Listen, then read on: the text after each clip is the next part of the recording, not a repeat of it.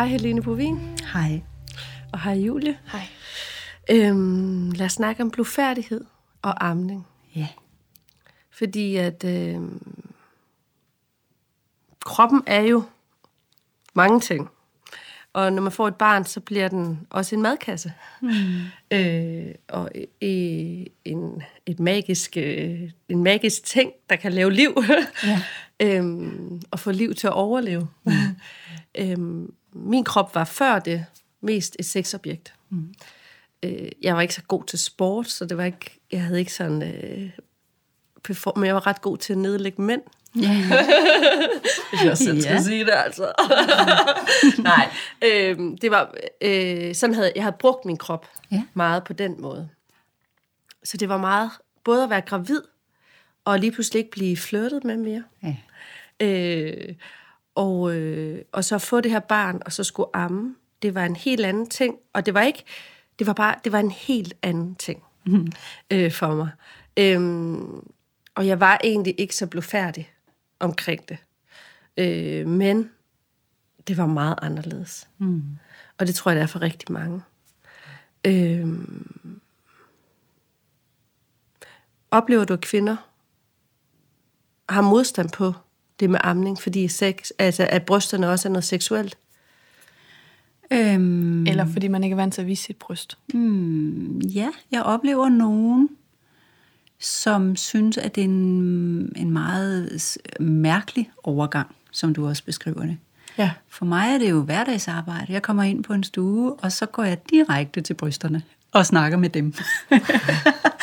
og det kan være svært for folk sådan lige at acceptere, at nu, okay, nu sidder vi her og har en samtale om mine bryster. Ja. Øhm, og det kan jeg godt se på dem, og jeg prøver sådan at joke lidt med det. Så jeg ved godt, det er lidt mærkeligt, at vi sidder her og taler om dine bryster. Altså, men, men det er øh, samtidig, kan de fleste godt mærke, at jamen, det er jo sådan set det, det hele handler om lige nu. Det handler om min krop og, og det samspil, der er mellem min krop og min baby. Øh, nogle gange kan jeg også sige, jamen altså, det er jo en business, der kører mellem dine bryster og din baby, og det er ikke sikkert, du er særlig med i den Nej. business. og den oplevelse havde jeg også. Ja.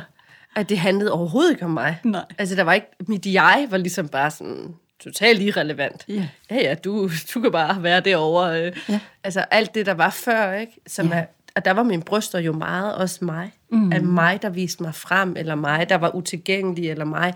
Altså at bruge sin krop som noget, man... Der var, ja, som et, ja, og som noget, jeg havde... Det var mig, der bestemte, ja. hvordan jeg ville gøre med min krop. Ja. Og lige pludselig så var det faktisk lidt lige meget, ja. med, hvordan jeg havde det. Fordi nu var der den her business mellem baby og mig. Ja. Jeg, jeg havde på et tidspunkt en... Jeg, jeg hjalp en kvinde, som var... Øhm, hun var gravid på det tidspunkt med sit andet barn, og hun sagde sådan en sætning, som virkelig printede sig i mig, fordi hun sagde, jamen altså, jeg mangler bare sådan at føle mig som rigtig kvinde. Og så sagde jeg, øh, ja, hvordan? Jamen sådan, gå lidt i stiletter og have en lille håndtaske, og du ved, sådan ud og svinge lidt. Og jeg var helt målløs, for hun sad der og var gravid og frodig og skulle se at føde sit barn, og jeg tænkte, der er da ikke noget mere kvindeligt. Altså i mit billede af at være rigtig kvinde, så sad hun midt i det. Ja. Men i hendes billede af at være rigtig kvinde, der var det den anden, den du fortæller om, med at være et, et seksualobjekt, og være fri, og være ja. øh, selvstændig på sådan en måde, hvor man ligesom ikke hang fast i andet, end det man selv valgte. Og det var i virkeligheden noget, hun savnede rigtig meget, da hun sad der og var gravid med sit andet barn. Men det fik mig virkelig til at tænke over, øh, at der er noget omkring kvindebilleder, som jeg tror kommer i vejen for vores moderskab nu til dags. Ja. Fordi den rigtige kvinde, den lækre kvinde, er ikke hende, der sidder og flyder ud med brysterne ud over det hele, og, og ikke rører sig ud af sofaen i flere dage, fordi hun sidder og armer. Altså, det er bare ikke det kvindebillede, vi kan bruge, vi, vi bruger ret tit som ideal. Men det kvinde er også meget mere isoleret end ja. den anden kvinde. Oh, ja. Øh, hvor øh, jeg, for mig, der tror jeg sådan helt ubevidst, jeg søgte kvindefællesskaber, efter jeg havde fået børn. Mm. Fordi jeg, havde, jeg oplevede mig selv så meget, jeg blev meget isoleret mm. af mm. at få børn. Ikke? Så jeg søgte nogle kvindefællesskaber, hvor jeg kunne finde den, et nyt kvindebillede, et nyt kvindeideal. Ja. Om at være, altså, at moren, mm. moderen også, mm. er badass. Ja, lige præcis. altså, jeg har haft nogle mødergrupper, hvor... Øh, hvor jeg hørte dem tale med hinanden, og hvor rigtig meget handlede om, jamen nu er jeg kun 200 gram fra min før gravidvægt, og øh, jamen jeg laver også mavebøjninger hver dag, og så sagde den anden, nej, jeg får kun taget mig sammen en gang om ugen, og sådan noget, hvor jeg tænkte, at det kan godt virke som om, at det der kvindeideal, som, som er meget på det ydre, øh, og på kontrol, at det også er begyndt at snige sig ind i moderskabet, og snige sig ind i mødergrupperne. Øh, og det, øh, altså, det er rigtig ærgerligt. Der kommer meget træning til mor i hvert fald. Ja, Til mor og og, og meget, det meget sådan handler om at komme tilbage til der, hvor man ikke kan se, man er født. Eller tilbage til, der er også mange, som synes, jeg siger, jamen altså, jeg var så flot gravid, man kan slet ikke se det bagfra, at jeg var gravid. Altså, det er også ligesom blevet et ideal. Ja. Hvor jeg tænker, hvorfor er det fedt, at man ikke kan se, at man er gravid? Men jeg tror også, jeg gik på den der, jeg havde den følelse af, at jeg kunne ikke genkende mig selv. Jeg kunne ikke genkende det, der kom ud af min mund. Mm. Det, jeg tænkte, det, jeg følte. Men hvis jeg kunne komme tilbage til, at jeg kunne genkende mig selv i spejlet. Mm. Jeg løb også rundt med min barnevogn. Mm. Prøvede at komme ned i de bukser, jeg vidste, jeg havde gået i, før jeg blev gravid. Ikke? Ja. Altså komme tilbage til noget. Man Der var du, Julie. Ja. Sådan, der sidder de godt, de bukser. Ja, og det er måske i virkeligheden også fordi, vi ikke er dygtige nok til at tale om den enormt store overgang, det er at blive mor. Altså, at, at når du først bliver mor, så bliver du aldrig mere ikke mor. Og det, kan, altså, det er en stor ting, og, og jeg synes så måske godt, vi kunne fylde lidt flere positive billeder på moderen. Yes. Og som du siger, hun er altså bare badass. Hun kan fandme noget, mm. som hende der i stiletterne med lagtasken ikke kan. Ja. Og jeg Og sidder hun og har... kan også godt begge ting. Altså, man kan også være hende med stiletter og lagtasken, mm. men på en ny måde. Mm, Og, og det, tager jo, det har i hvert fald taget mig mange år at finde, til, finde det. Mm. Finde ud af, om hvordan. Og det ændrer sig jo hele tiden. Mm. Og det er jo det, der er spændende ved livet. Og ved at være kvinde. Og, Men jeg havde den fuldstændig modsatte oplevelse som dig, Laura. For jeg havde aldrig synes mine bryster så eller var interessante. Mm. Det var aldrig det, fyrene kiggede efter mig. Så var der nogle andre ting, men det var aldrig brysterne. Mm. Det havde sådan en fornemmelse af. Mm. Så jeg havde det faktisk modsat, at da mine bryster, for det første, så voksede de. Så så de lige pludselig lidt mere interessant ud. Men for det andet, da mit barn så lå der, mm. og amningen kørte, så gik den op for mig. Det er derfor, I har fulgt med mig i al den tid. Jeg har været træt af mine små bryster. Eller hvad, er det nu, hvad man har sagt af trælse ting, mm. hvad jeg har sagt til mig selv. Ikke? Lige pludselig så følte jeg, at jeg landede. Mm. Det er lækkert, det her. Mm. Jeg kan amme. Mm. Jeg kan få mit barn til at tage på i vægt. Ikke? Mm. Så jeg, jeg havde faktisk den modsatte. Mm. Ja. Ja, og, og der er jo altså, der er mange af dem, som kommer i min konsultation, som også snakker om sådan noget med sexlivet bagefter, ikke? Og altså, de, de bruger forskellige ord på dem. Der var en, der sagde, jamen altså, gider bare ikke have, men tidskone, det bliver sådan en stor flappet en. og, og hvor jeg sådan, hendes mand eller kæreste var med, og hvor jeg sådan, han havde et barn i forvejen. Så ham kunne jeg jo ligesom bruge lidt, så kunne jeg sige, altså det jeg hører fra mændene, det er, at de fleste faktisk får et bedre sexliv, efter de har fået barn. Hvad, hvad tænker du om det? Og han sagde, jep, det passer. Det, altså, og, og i virkeligheden tror jeg, at det passer, fordi de fleste kvinder bliver lidt mere afslappede og lidt mere, øh, måske lidt bedre til at hvile i deres egen krop, når de har været igennem en graviditet og en fødsel og en ammeperiode. At man måske slipper nogle af de der helt stramme idealer om sig selv, og bliver lidt bedre til at mærke. Og rigtig mange kvinder bliver faktisk helt fysiologisk bedre til at mærke, hvad der foregår, når man har sex, efter man er født. Så de fleste får et bedre sexliv af det. Og det er jo også noget, vi ikke ved. Altså, de fleste tror, at det bedste, det ligger før. Men, men sådan er det bare ikke.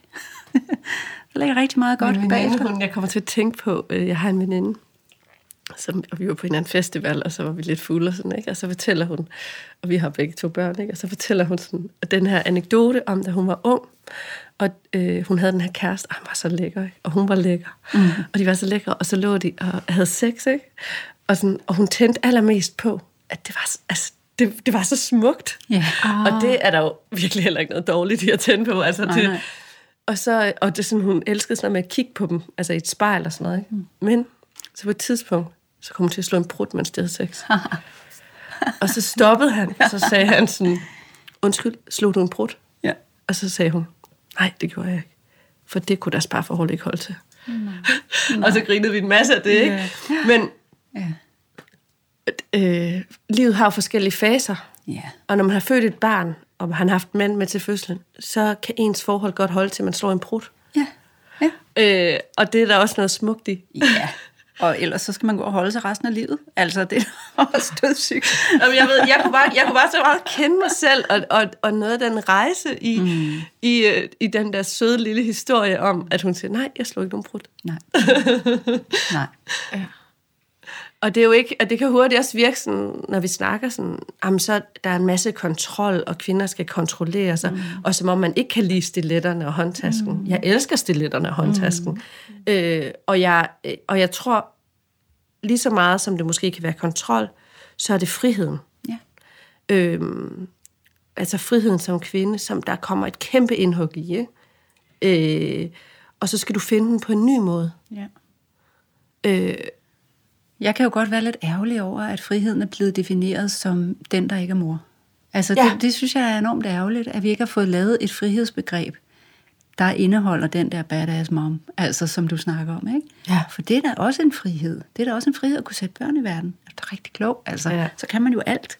Men, men det er jo noget, der tager tid at ændre på. Sådan et frihedsbegreb og sådan et kvindeideal eller en kvindeidentitet. Hvordan, øh, hvordan kan vi ikke sætte nogle ord på det? På den kvinde, Øhm, på mor, på moren, der kan skabe liv. Ja. Der har nogle bryster, der både Og holde kan blive liv, tændte mm. og kan amme et barn. Mm. Og, Jo. Altså noget, jeg synes, øhm, nogle gange så taler jeg lidt ind i sådan noget, øh, altså den der beskyttermor, ikke? den der løvemor, løvinden, mm. fordi der ligger så meget power i den, og den kan næsten alle finde ind til. Den der med, jeg, skal, jeg gør bare, hvad der er nødvendigt for det her barn. Og der ligger en masse power i det, og de fleste kan godt se, at det er også en form for power, øh, og en form for, øh, jeg ved ikke om det er en frihed, men det er i hvert fald en selvstændighed, som er ret fed. Samtidig med, at den er knyttet og forbundet. ja.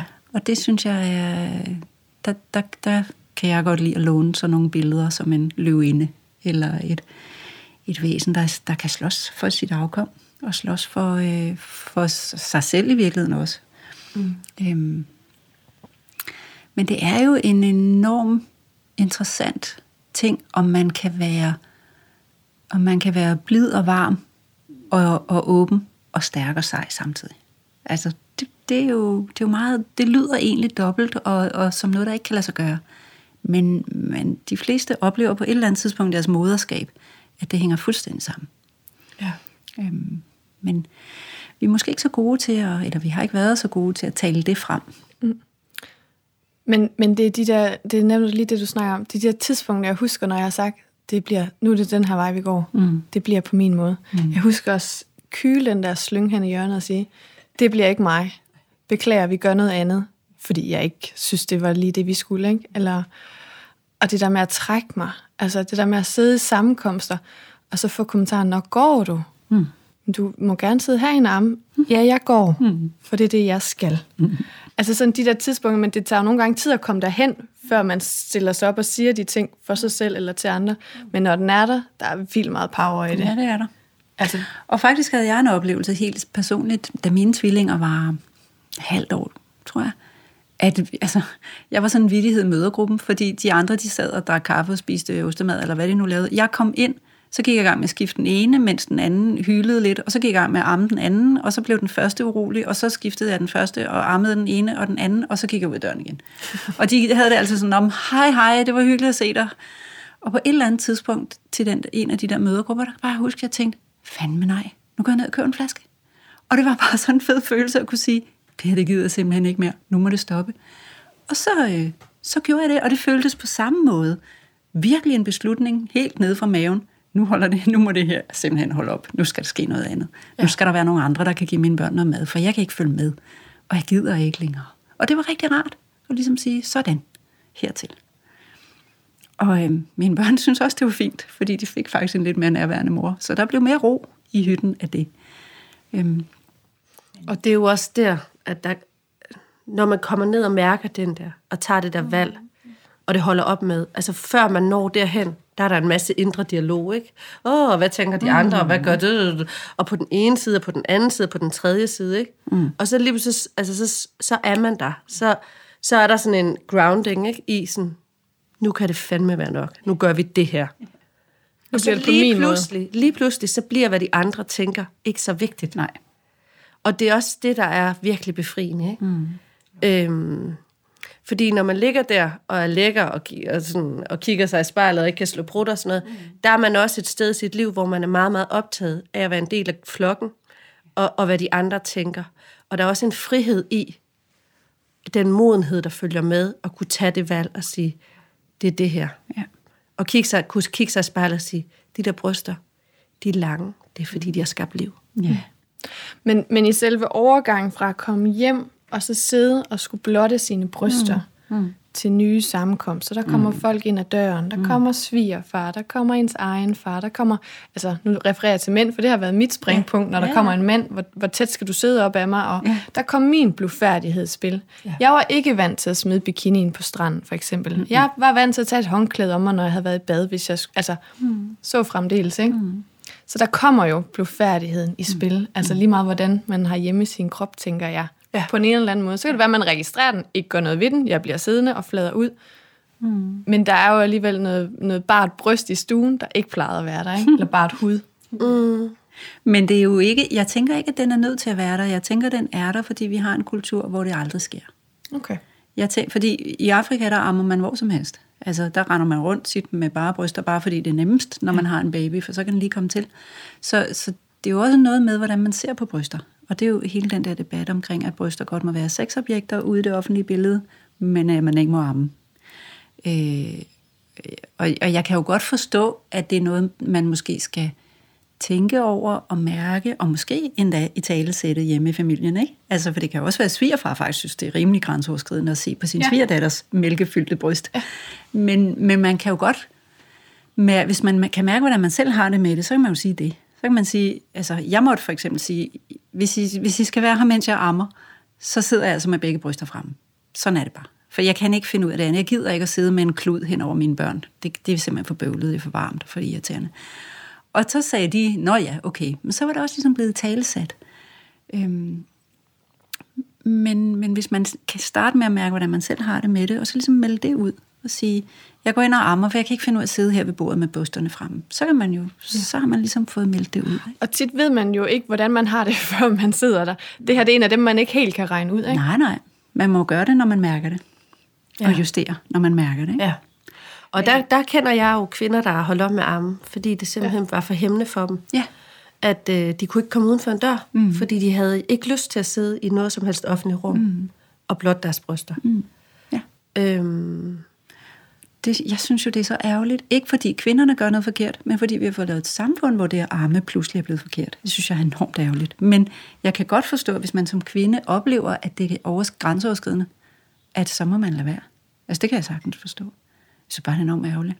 Det er da så ærgerligt. Jeg synes, det er enormt ærgerligt, at bryster pludselig, altså at ammebryster er blevet noget, vi skal gemme væk. Jeg, I virkeligheden har jeg lidt svært ved at forstå, hvordan, hvordan vi er kommet dertil. Ja. Fordi da jeg var barn, det var der, hvor kvinderne smed BH'en og rendte topløs rundt og syntes, det var den største frihed, frihed, der fandtes. Og lige pludselig, så er vi altså bare et helt andet sted. Ikke? Jeg, jeg oplevede ikke... i nogle af de der mødergrupper, jeg har haft, at, øh, at vi snakkede om sådan noget med, med kropslighed og børn. Og der var rigtig mange af dem, som sagde, at de ikke brød sig om at vise sig selv nøgne for deres børn, helt ned til et halvt år gammel. Og det kom faktisk rigtig meget bag på mig. Og jeg synes simpelthen, det er så ærgerligt. Fordi så er vi jo med til at viderebringe den der forestilling om, at kroppen er noget, vi skal gemme væk, og morkroppen er noget, man skal gemme væk. Jeg oplever, at kvinder øh, kan have svært ved at være, at være med deres krop på en afslappet måde over for deres børn. Altså fordi, øhm, jeg ved ikke, de tænker det som noget seksuelt, eller at, at det kan være blufærdighedskrænkende for barnet at se sin mor. Og det er helt ned til ganske små børn på et halvt år. Øh, og, det, og det synes jeg var enormt sørgeligt, fordi jeg tænker, et barn på et halvt år synes bare, at en morkrop er vidunderlig. Ja. Der kan ikke være andet end vidunderligt i det. Og hvis barnet ikke får lov til at sanse den dejlige, bløde morkrop, øh, eller at morkroppen skal gemmes væk, så får man jo lavet et meget tydeligt signal til barnet, som så går videre, når man selv vokser op. Øhm, og hvad er det for et signal? Jamen, det er jo et signal om, at, at den eneste krop, vi godt må udstille, det er den seksualiserede krop. Altså, at den må vi gerne vise frem, men vi må ikke vise morkroppen frem. Den er faktisk lidt tabuiseret. Med alle dens folder. Med alle dens folder og blødheder. Og, øh, altså, det er mærkeligt, at vi har fået lavet et kvindeideal, der ikke må være blødt. Det synes jeg er enormt mærkeligt. Det er der. Kvindekroppen er blød, og det er dejligt. Ja. Men så er der også den der med, øh, jeg ved ikke, forklare det rigtigt, noget med nogle grænser. Mm. Der er en eller anden intim sfære, ikke? Og få barnet helt tæt på. Så har jeg oplevet, at der er nogen, der gerne vil sidde helt tæt på og kigge på. Altså sådan, der synes jeg også, at jeg mødte nogle grænser, jeg ikke vidste, jeg havde. Og jeg mødte også i starten, det skal være helt naturligt, at jeg lægger mit barn til brystvorten. Øhm, men der er noget intimt i, at du sutter på min brystvorte, og du ligger så tæt op af mig, og vi bliver varme sammen. Altså, det, det, der er nogle grænser, der skal overskrides.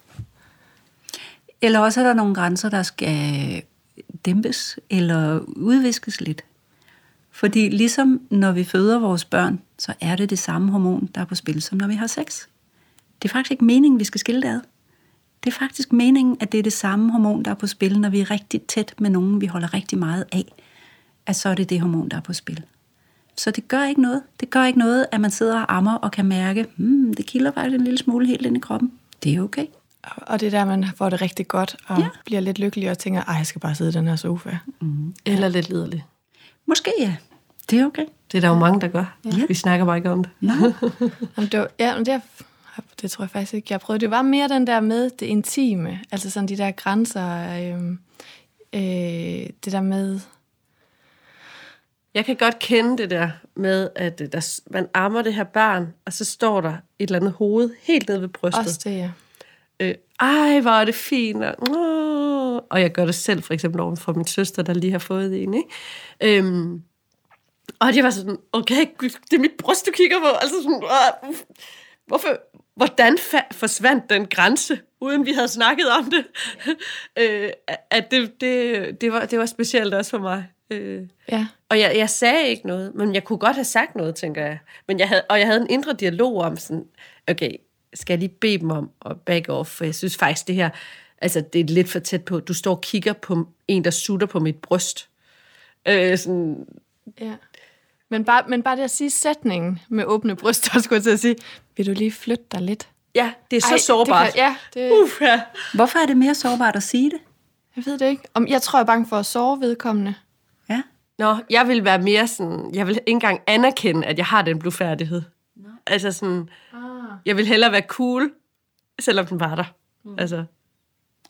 Fordi det er jo sjovt, at blufærdigheden er der, men samtidig så er det også blufærdigt at have blufærdigheden. Ja, ja. Fordi lige umiddelbart, så tænker jeg, jeg tror bare, jeg ville have sagt, gider du ikke lige gå lidt væk? Altså, du står lige lidt for tæt. Men, men det i sig selv kan også være svært. Mm. Ja. Så, så, så kan jeg godt forstå, at man knokler. altså, så er, så er man jo virkelig på overarbejde, hvis man både skal forholde sig til sin egen blufærdighed, og så forholde sig til, hvordan det bliver modtaget, at man ja. har den blufærdighed. Ja. Og det, jeg tror bare, du, øh, du kigger på mig, som om, at øh, jeg skal tage mig sammen. Nej, det ved jeg ikke, om du tænker. Men, øh, men øh, jeg tror, der er mange, der, mærker det her. Jeg var selv overvældet over, hvor meget mere jeg mærkede andre mennesker også. Ja. I, for, i den her periode af mit liv. Mm. Og det er jo også et element af det. Jeg kunne ikke bære, at jeg skulle Altså, man kan ikke bære, at man gør nogen kede af det, eller ja. man skuffer nogen, eller jeg har ligesom brug for, at alt er blødt og rart rundt om mig hele tiden, og jeg kan mærke alle deres følelser hele tiden, mm. fordi mine sanser er så åbne, ikke? Ja. Og ved du, hvorfor du mærker det? Det er, fordi dit oxytocin er på høj dosis, og oxytocin er det, der gør, at vi kan mærke hinanden. Det er meningen. Ja. Når man laver barn, så er man midt i relationens smeltedil, og det er der, man mærker alting. Ja, ja spændende. Sådan er det. Ja. Og, og det er jo vildt fedt, men det er jo også, øh, det er også svært at navigere i, hvis man mærker den blufærdighed, og man mærker, at nogen gerne vil noget, som man ikke selv vil, og, ja. og, og man skal ud i den der larmende verden med sit oxytocin-producerende mm. Jeg. Ja. Men måske er det godt at huske, at ja, jeg mærker alt muligt, der foregår i og omkring mig, så derfor skal jeg måske øve mig lidt på bare at sige, jeg har det lige sådan her. Ja. Mm. Ja, fordi jeg mærkede jo også, ej, sådan har, har det været for min mor at sidde sådan her. Sådan har jeg ligget en gang. Sådan har hun elsket mig. Sådan har hun holdt mig. Sådan har hun haft nogle ønsker for mig. Altså sådan, jeg mærker alle de der strømninger, ikke? Altså sådan, øhm, det mærker alt muligt, når man sidder der og ammer, synes jeg. Ja. Så derfor, hvis der så er en, der kliner sig op af mig, eller, så får jeg næsten ikke stor nok space til at sidde og mærke alt det store. Men tænk, hvis det var okay at sige, gider du ikke lige at sætte dig derover, mens jeg rammer? Kan du ikke lige gå lidt væk? Ja. Altså, Ja, så løbende fik jeg jo så lavet nogle strategier til, at jeg går bare, eller jeg gør lige, eller jeg kunne finde på at tage en lydbog med til ørerne, eller tage et godt glas vand med, eller altså gøre det rart for mig selv. Nogle gange så spurgte jeg, Et godt glas vand. oh my god. Virkelig lækkert at standarden er virkelig høj her. Åh, jeg godt høre det. Jamen, det var, at, men bare det at huske et glas vand kunne faktisk være stort. Ja. Men jeg kunne godt finde på nogle gange at hvor er husets bedste lænestol, og må jeg låne den? Ikke? Altså sådan, gør mig selv komfortabelt. Ja. Ja. altså jeg kunne godt ønske mig, at, øh, at vi, når vi selv blev mor, havde set nogen blive mødre. Jeg kunne godt ønske mig, at vi havde set nogen have vejer. Jeg kunne godt ønske mig, at vi havde hørt naboen føde. Jeg kunne også godt ønske mig, at det at have set nogen amme, det var ganske naturligt, og det har vi alle sammen oplevet. Så hende, der står lidt for tæt, hende eller ham, der står og er nysgerrig på din amning, tænker jeg, ej, hvor ville det være dejligt, hvis det var okay. Hvor ville det være dejligt, hvis det var helt naturligt. Nå, har du ikke set en amning før? Jamen, så kig lige her. Altså, fordi jeg tror, noget af det, der gør det så vanskeligt, det er også, at det er mystisk. Vi aner ikke, hvad der er, der foregår. Men øhm, Nej, Jeg hvad ved vi er ikke landet i. jeg ved ikke helt, hvad der skal til for at ændre det. Nu starter Det vi med at tale ja, om det. det her, det er da starten Ja. på en lang rejse. ja. ja. Tusind tak for snak. Ja, tak. Selv tak. Mm-hmm.